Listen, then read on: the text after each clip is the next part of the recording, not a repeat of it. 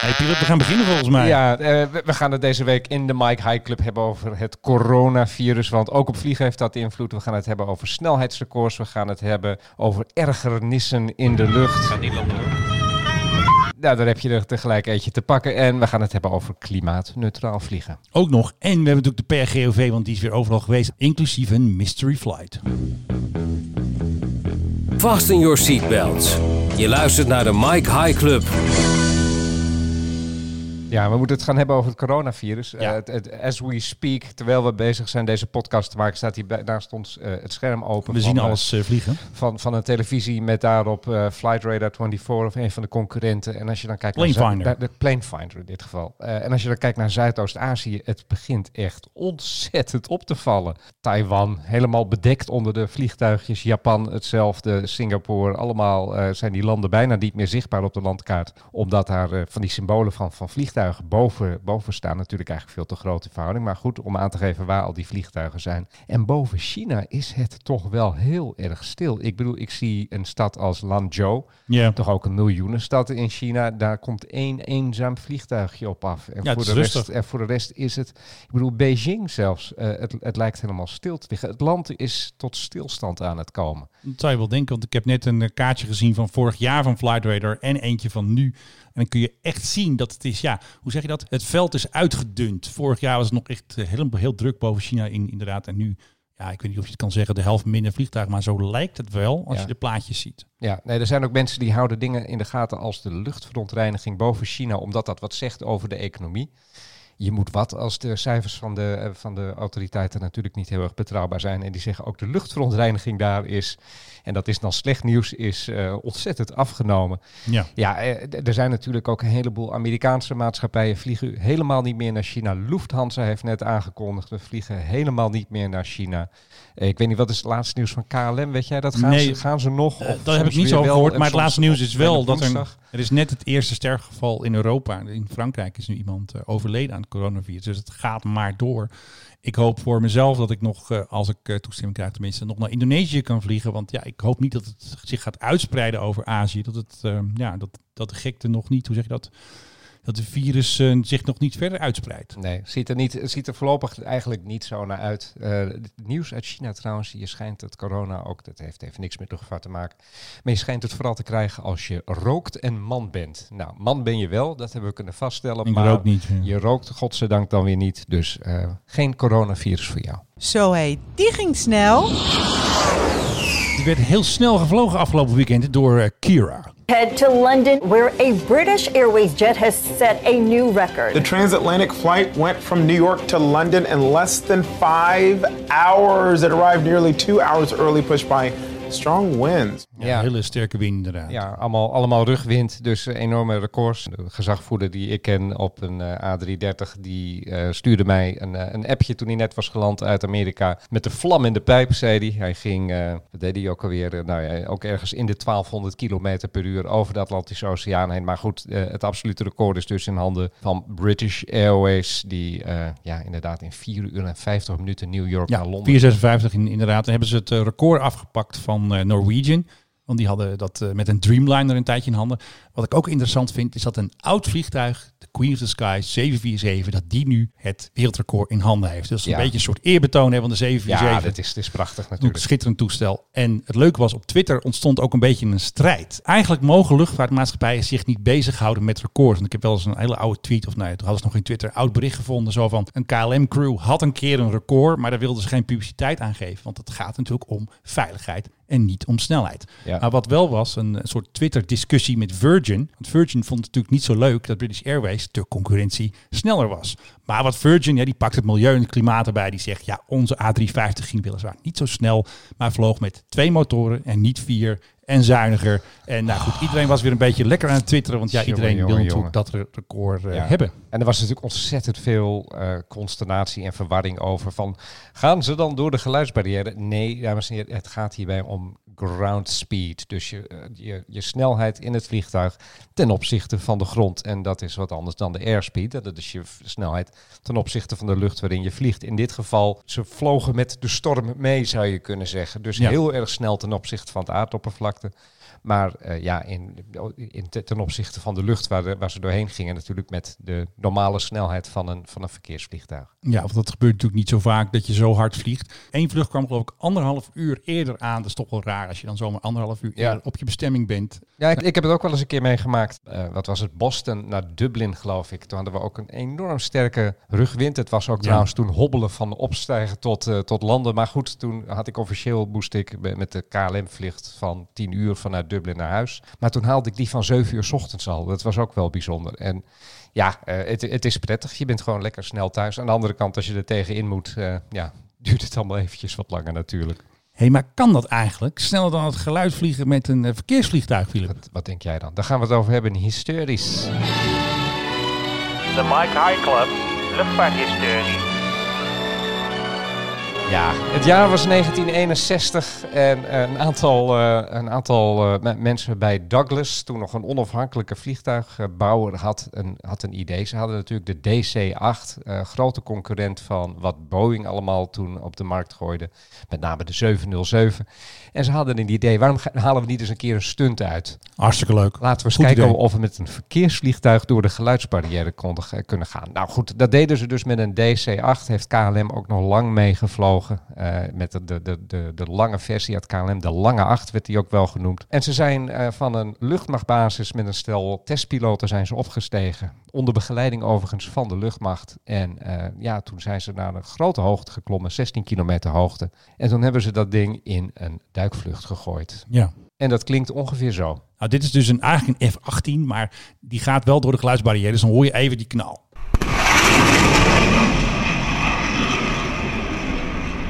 Nog even een ander voorbeeldje. Als dus een Concorde door de geluidsbarrière gaat, als je op de grond staat, dan klinkt die dus zo.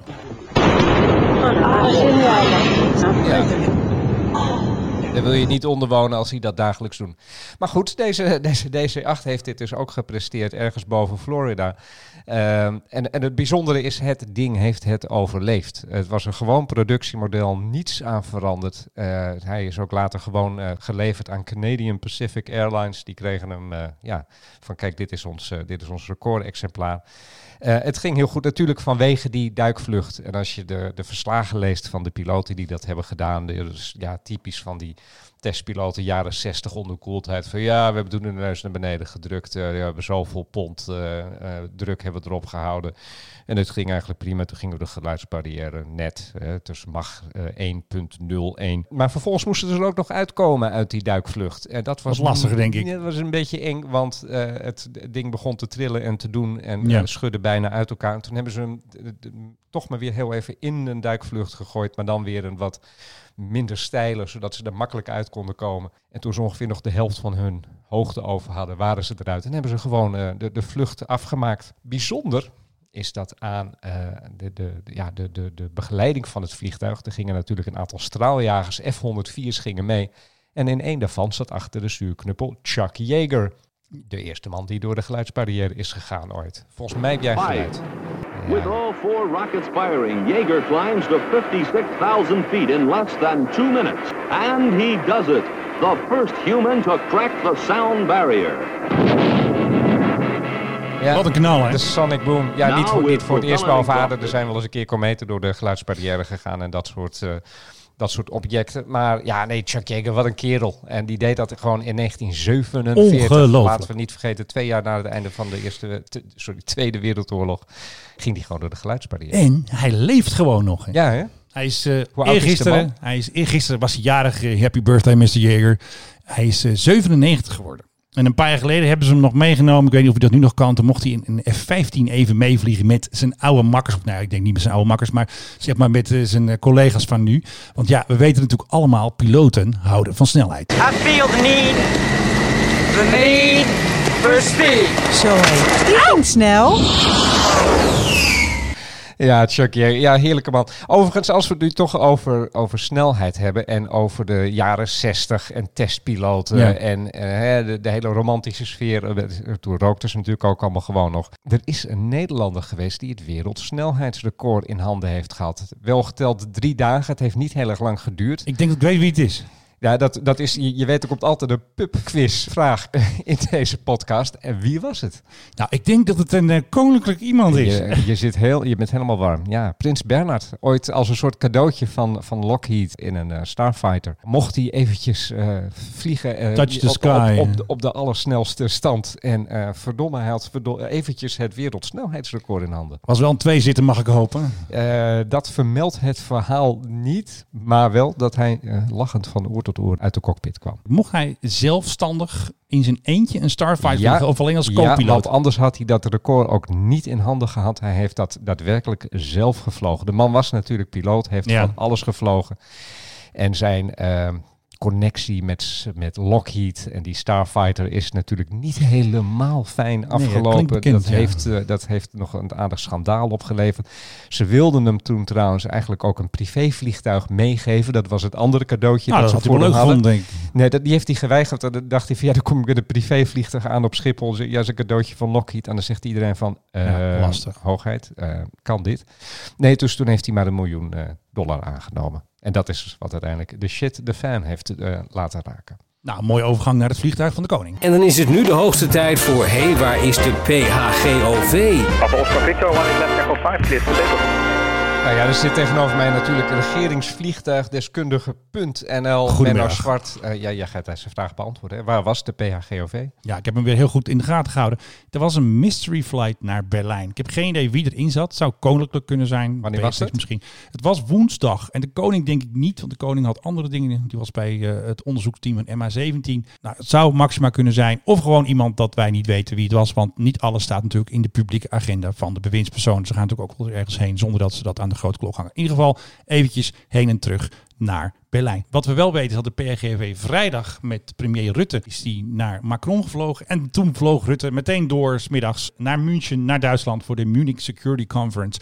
En wie waren daar al? Ank Bijleveld en jouw favoriete minister Stef Blok. Ja. Nog even een leuk verhaaltje over Ank Bijleveld. Want die hoefde niet met het regeringsvliegtuig. Want die was er al met de Duitsers. Ank mocht meevliegen met de regeringsvlieger. En mijn Duits is niet zo goed als het jou. Maar in ieder geval met een van de Duitse regeringsvliegtuigen. Mocht ze meevliegen van Brussel naar München. En wat leuk is, de Duitsers zijn grondig, dat weten we allemaal. Voor Ank hadden ze niet alleen een schaaltje nootjes neergezet. Maar ze hadden zelfs een naambordje voor haar gemaakt voor in het vliegtuig. Dat de andere ministers, want er vlogen nog meer ministers mee, hè, want dat heet tegenwoordig planepoolen. Dat ze dus allemaal wisten wie Anke was. Dus die Duitsers die regelen dat gewoon. Ah, god. En moesten ze dat dan opspelden? Of hoe moet ik dat voorbereiden? Nou, er stond gewoon een kaartje op zo'n luxe tafel, hebben die nootjes Ja. naast de nootjes, zullen we maar zeggen. Er stond zo'n eh, zo'n gevouwen A4'tje. Het was Ja. niet helemaal professioneel met eh, drukwerk of zo. Maar wel getypt, denk ik. Dus en daar stond op Ankie. Nee, dat stond eh, met haar achternaam ook zelfs nog een meisjesnaam. Ze heeft twee namen. Wij Haar- kennen haar als Anke haar, haar, excellentie eh Ja, Bijleveld. Die Nederland. Hey, maar jij zegt uh, regeringsvlieger. Ja, regeringsvlieger. Eh, je weet, die, toestellen zijn natuurlijk een beetje, nou ja, zo-zo. Er is van alles mee, maar er is nu ook eindelijk goed nieuws te melden. Want toen het allemaal zo fout ging met die regeringsvliegen, ratten hadden kabels doorgeknaagd, de wifi deed het een keer niet. Nou goed, ze hebben nieuwe jets besteld. De Duitse luchtmacht heeft nieuwe Airbus A350 besteld. En op Twitter stond er een foto van een A350. Die is nog helemaal geel trouwens. Boeings zijn groen als ze klaar zijn. En Airbussen zijn geel. Waarom weet ik niet. Maar dat is gewoon Nou zo. hoor je deze informatie anders dan bij de Mike High Club. Ja, precies. Wij weten alles. V1. De PRGOV die vliegt weer terug, want eh, wij nemen dit op op zaterdag. Het is nu ongeveer tien over twee. En om zes uur, als het goed is, zijn Ank, Stef en Mark Rutte weer terug op Schiphol.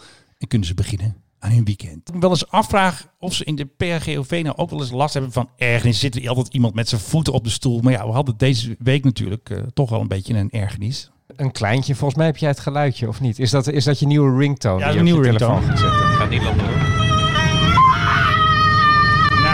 Maar snel stoppen ermee? Mijn hemel.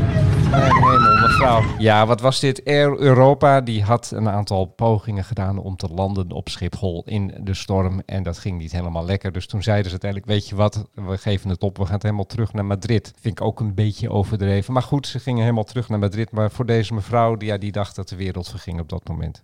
Ja, het is toch wel een ergernis als eh, passagiers gaan schreeuwen. Wat ik ook een ergernis vind, is als mensen heel hard hun stoel naar achteren doen als ze er geen rekening mee houden of er eten op staat of dat de stewardessen net eh, drinken hebben gebracht. Je moet eigenlijk even, vind ik, voorzichtig even naar achteren kijken van kun je wel Nee, erachter? nee, nee, Menno, ze moeten dat in de economie gewoon helemaal. En sommige maatschappijen hebben dat ook. Ze moeten afschaffen, ja. helemaal afschaffen. Dat is echt aan een, aan een ander tijdperk. Ja. Ik bedoel, er zit er zo'n zo, zo, zo iemand voor je en die doet ineens een rang die stoel naar achteren. Nou, als je zo lang bent als ik, heb je al weinig eh, beenruimte. En dan kijk je ineens tegen de roos van een ander aan. Ik, ik vind me dat toch Ja, smerig. en er is deze week is er een eh, filmpje op internet en waren verschillende meningen over. Je hebt dus een, een man zit op de laatste stoel van het vliegtuig. Dus die zit tegen een rij, of die zit eigenlijk tegen de toilet aan, tegen de lavatories, tegen de galley aan. Ja. Die, die kan zijn stoel niet naar achteren doen. Ja. Een vrouw zat voor hem, die had wel haar stoel naar achter gedaan. Uit ergernis was hij met zijn handen tegen haar stoel aan het slaan, waar dus zij dus heen en weer beweegt. Hij was natuurlijk jaloers dat hij zijn stoel niet naar achter kon zetten en zij wel. En wat hij waarschijnlijk dacht van, nou het is geen grote kerel voor me, maar gewoon een vrouw. Ik ga gewoon er eventjes tegen, de, tegen haar stoelleuning aanbeuken. Maar ik vond het toch niet zo'n sympathiek filmpje van deze man. Ik weet dat ze een aantal jaren geleden was in Amerika was een, was een eigenlijk een heel klein stop dingetje op de markt. Die kon je kopen. Die kon je op de stoel voor je plaatsen. Ja. Op het scharnier. Het stelde echt helemaal niks voor. Het was een stukje plastic van 10 cent. Ja. Nou ja, ze verkochten het voor vele dollars. Maar eh, ze verkochten het ook op luchthavens. En die kon je dan op het scharnier van de stoel voor je plaatsen. En dan kon die stoel niet naar achter.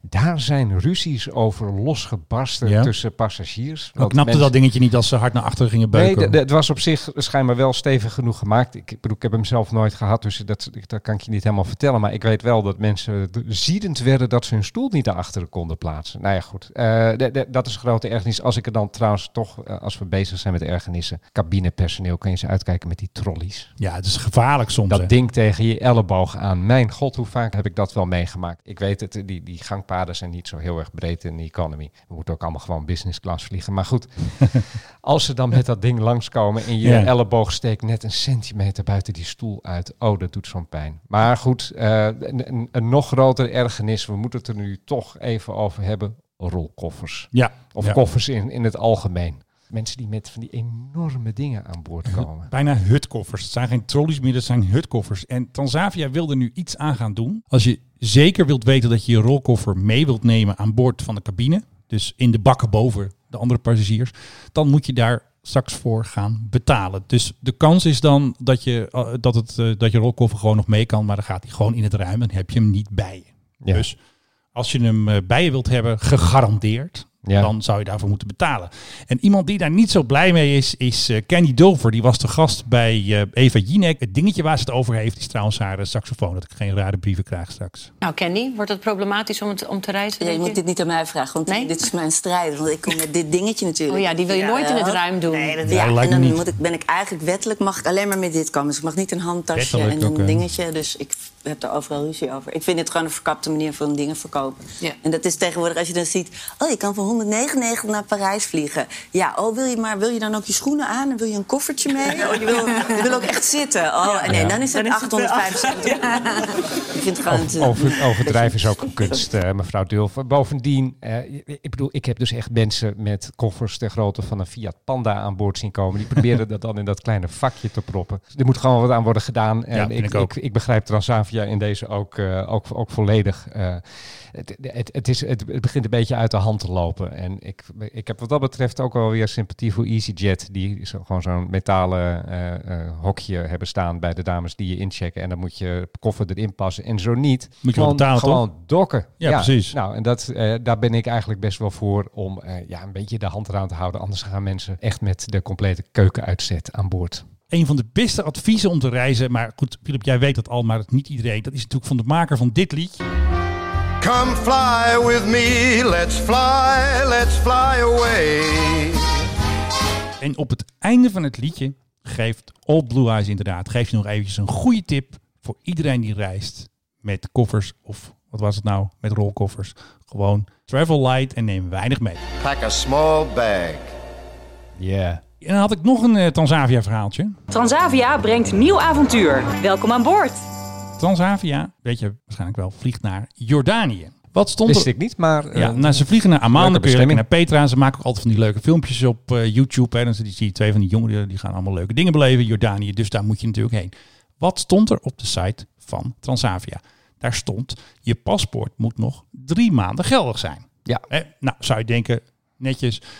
Dus ik hoorde dus van een bekende en haar dochter wilde ook naar Amman vliegen. Maar dat liep een beetje fout af. Ze kon wel gewoon inchecken. En toen is ze eruit gehaald. Dus bij het boorden zeiden ze, ho, kom jij eens even mee. Het is zes maanden.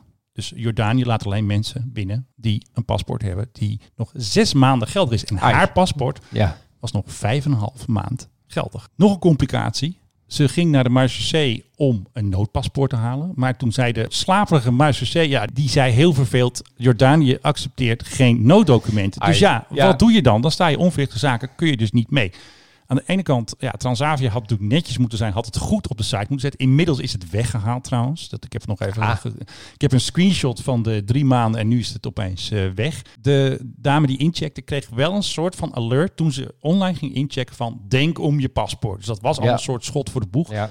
Maar bij het inchecken is dat niet gezegd. Kon ze gewoon door. En pas bij het boorden dus, zoals ik net zei, werd ze eruit gehaald. En eh, was het helaas einde oefening. Dus ja, je moet natuurlijk ook een beetje zelf goed oppassen natuurlijk. En goed checken wanneer je paspoort geldig is. Want zelfs Transavia, dan je denken, die hebben er ervaring in. Die weten het dus niet allemaal precies. Het in, in landen als Jordanië zo eenvoudig is. Je geeft ze gewoon 50 dollar en dan mag je gewoon met je oude paspoort, dat al drie jaar verlopen is, mag je toch alsnog het vliegtuig in. Het kan zomaar.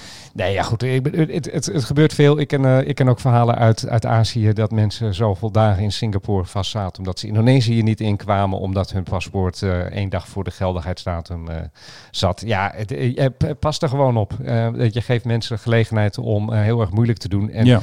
als eh, iemand graag moeilijk doet, dan zijn het eh, de mannen en vrouwen die wij aan onze grenzen posteren. Dat lijken altijd de grootste eikels te zijn die we kunnen vinden. Die zetten we daar neer. Niet in Nederland natuurlijk. Sorry, Nee, heren nee, van de dames van de marechaussee. Maar ik, goed. ik heb het wat meegemaakt in landen. Nou ja, goed. En ook niet altijd de slimste mensen. Ik, wat ik bij Amerikaanse grensposten of vliegvelden wel eens heb meegemaakt. Tart elk geloof. Daar zetten, kunnen ze, we- zetten ze me toch dumbo's neer. Ja, sommigen zijn heel vriendelijk en anderen die die geven je een soort van derde graads verhoor. What's purpose visit? Ja, precies. Eh, En, en alsof, je, alsof je in een, een of ander heel erg raar land eh, binnenkomt, heb ik wel eens het idee in Amerika. Ja, Amerika. Nou ja, mooi bruggetje. Ik, ik, we zijn van de bruggetjes vandaag. Menno, wat is er aan de hand met ons? Ja, echt Gaat heel goed vandaag. Het is gewoon go with the flow. Delta Airlines. Fantastisch.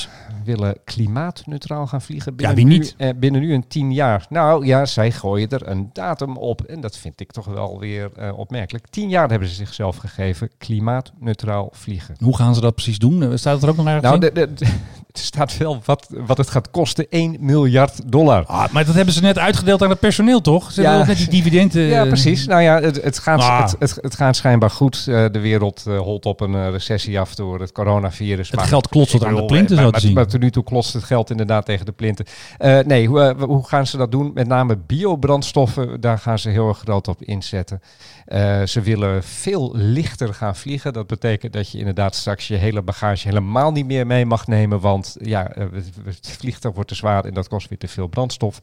Ehm, en ze willen bomen gaan planten. Dus dat betekent dat je dan... Een delta eh, tree. Precies, dat je dan wel, ehm, ja, je stoot uit, maar dat wordt er weer opgenomen door een boom. En Dat is die, meteen een boomplant dan. en dan gaan we dan straks bij Meubelfabriek Oosterwijk gaan we daar weer een bankstel van maken. En dat is, ja precies, dat is dan weer zo duurzaam dat het honderden jaren blijft bestaan. En zo is jouw uitstoot is ook weer teniet gedaan. Nou, volgens mij zijn we aan het einde gekomen, toch? Eh,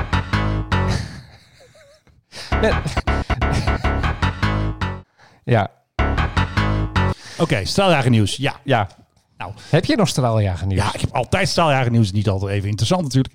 Ehm, in Finland heb je audities voor straaljagers. Kijk, wij kennen natuurlijk audities. Hè, van Joop van den Ende, dan mag iedereen zingen. Maar nu Ja. moeten de straaljagers, die, die moeten dan komen opdraven. Dan gaat Finland kijken, is dat wat voor ons? Want Finland heeft nieuwe straaljagers nodig. Ze hebben een paar mooie Hornets. Maar ja, goed, eh, die, eh, die lopen ook een beetje op het einde van hun Latijn. Dus ja, wat doe je dan? Dan laat je ze allemaal komen, hoor, jongens. Laat maar eens even zien wat voor mooi spul je hebt. En de Amerikanen Ja. gingen dus deze week met de F-35 gingen ze naar Finland. Ze zouden met vier toestellen gaan, maar dat werden er maar twee vanwege Kira. Die tankers die hadden een beetje last met die eh, jetstream. Dus het waren er maar twee. De Eurofighter is ook al geweest. Dan staan er allemaal eh, mannen met imposante petten, neem ik aan. En Ja. die gaan dan kijken en dan komt dat ding langs. Maar wat zegt dit? Nou, het zegt gewoon Dat, dat... dat- ik bedoel, ze zien er toch allemaal min of meer hetzelfde uit. Ze gaan Nee, natuurlijk ze niet, gaan als de kijk, brandweer. Ze hebben allemaal raketten. Dat en- is niet helemaal zo. Dat heeft natuurlijk allemaal met geld te maken. Het heeft met support te maken. What, what can you do for us? Ja, maar dan hoeft dit ding toch niet voor langs te komen? Ja, natuurlijk moet dat ding voor langs te komen. Want ze moeten het er echt mee verkopen. Daarom staan ze ook op die luchtshows. Er was laatst een luchtshow. ehm, deze week was een luchtshow in Singapore. En vanwege waar we het al over hadden hebben, coronavirus, waren er veel minder mensen daar. Maar daar staat ook de F-22, de C-17, ook de F-35. Dat Ja. moet verkocht worden. Ze moeten Ja, nee, ik, ik, ik ken het. Ik, ik, ik ben vaak bij dit soort dingen geweest. En het Ja. is inderdaad, je wordt ook gek van die, van en die, zelfs die dat je denkt, ja, die daar staan. En je denkt dus echt dat die Finnen weten het wel, maar daar komen dan echt piloten, komt er heel supportteam mee. Ze mogen namelijk niet meevliegen. De, de Finse piloten mogen wel kijken, maar de eh, F-35 is een eenzitter, dus ze kunnen niet mee, want ze hebben nog niet eh, training gehad. Ja. Dus eh, ze, gaan daar natuurlijk een luchtshowtje opvoeren. En ze hebben natuurlijk hele gelikte presentaties en videomateriaal mee. Er komt een generaal mee. Want de US Air Force die heeft daar volgens mij een speciale unit voor. Dan gaan mensen gewoon de boer op om die toestellen te verkopen. En Ja. wat ook grappig is, die eh, premier van Canada, Trudeau, die heeft ook nog steeds geen keuze gemaakt. Want die hoort gewoon ook de F-35 te kopen als trouw NAVO-lid. Maar ze zijn daar een beetje lastig. Dus wat ze nu gedaan hebben in Canada, ja, ze moeten wat hebben voor de time being. Dus ze hebben nu straaljagers gekocht uit Australië. Oude F-18's. Of eh, nou, het zijn niet oude, maar F-18's uit Australië worden nu verscheept naar ehm, Canada. Om, ja, om maar even wat te hebben. En dat zijn de dingen waar de Finnen nu net weer vanaf willen. Ja, maar dat, kijk, je hebt natuurlijk soorten F-18C. Je hebt de Legacy F-18. Vraag me niet waarom ik dit allemaal weet. Je hebt de, die, die knal. Menno, waarom weet je dit allemaal? Kijk, nee, maar goed, je, je hebt... Dit, kijk deze. een F-18C voor de kenners. Ja. Dat is een Legacy is een Ik oude. hoor het al, ja, tuurlijk. Maar daarna heb je nog de Super Hornet. En de Super Hornet is de Ja. nieuwe. En de Amerikaanse marine krijgt nu weer de nieuwste, nieuwste, nieuwste versie van de Super Hornet. Dus Ja. ook al is dat ding, eh, geloof ik, voor het eerst gevlogen in 1980. Door alle elektronische speeltjes aan. is hij gewoon weer bij. nee, de, maar de, doorontwikkeling. landen moeten keuzes maken. Maar- wat, wat gaan we doen? Maar even terug naar die Finnen. Die hebben toch gewoon een lijstje met specs nodig? Nee, want zoveel er al zo hard. Die, Nee. eh, die, die, die ene die is stelf en die andere niet. Oh, nou, stelf, dat is wel handig met die Russen waar we Ja, naast wonen. Dan nemen we die. Ik bedoel, hoe, hoe moeilijk is het om die keuze te maken? Nou, dat is ook wel. Nou, dat zie je in Nederland hoe lang het geduurd heeft. Het proces is vaak. In Finland kunnen ze iets sneller beslissen dan in Nederland. Maar het gaat natuurlijk om. Het gaat om politiek. Willen ze met Amerikanen samenwerken of willen ze liever Europees spul? Hè? Er komen die, die Eurofighter Typhoon is ook al langs Het zijn geen, zij zijn geen NAVO-lid volgens mij. Hè? Nee, nee, ze werken wel samen met de NAVO, maar Rusland zou denk ik niet pikken als zij eh, lid worden van de NAVO. Dan zou Rusland heel boos worden, denk Ja. ik. Want Zwitserland heeft laatst ook de F-35 op bezoek gehad. Want die moeten ook gaan kiezen. Die hebben Ja. ook F- F-18's en nog een stapeltje F-5's. En die moeten ook wat nieuws hebben. Dus ja, Ja. Het zal dus gewoon, gewoon de, de F-35 worden. Ik bedoel, je neemt toch gewoon het nieuwste spul. Kan je, Dat- even, kan je even vooruit. Ja. En het is stealth. Het is stelt, ja, maar goed, het, het is allemaal. De, Hey, ik heb hier een vliegtuig zichtbaar op radar. Hartstikke goed. Ik Ja. heb hier een vliegtuig niet zichtbaar op radar. Welke zal ik eens nemen? Ja, het lijkt mij een eh, appeltje eitje eigenlijk. dat zou je wel denken, maar er, schijnt, er spelen al nog een heleboel andere belangen bij. Hoe, wat mag de Finse industrie maken? Wat mag die doen? Het is altijd een heel stapeltje erbij. En ja, politici kiezen uiteindelijk en niet de generaals. Nou, Philip, volgens mij zijn wij aan het einde gekomen. Dus, ehm, nou, heb jij nog wat leuks te vertellen? Ehm, ja, ik ga binnenkort vliegen met Transavia. Jij, nou, Dan ga ik gewoon mijn koffer meenemen. Ik hoop dat het nog mag. eh, Dat, ze dat Het niet is nog net voor de, voor de, de deadline, zullen we maar zeggen. Ik hoop niet dat we op de zwarte lijst staan. Nee, Eh, vast niet. Dit was de elfde episode, want je mag niet uitzending zeggen. Het is de episode van de Mike High Club. Serieus? Ja, het is episode? episode. Je- je ja. gaat, dat ga je echt doen? Ik ga het echt doen. Oké. De elfde episode en tot de volgende week. Dit was de Mike High Club. We hope you enjoyed flying with us. Je kunt je natuurlijk ook abonneren via de Apple Podcast app, Spotify of de Google Play Music app. Dank voor het luisteren en tot de volgende podcast bij de Mike High Club. On behalf of the captain and the crew, it has been our pleasure looking after you today. Our ground crew will help you complete your journey.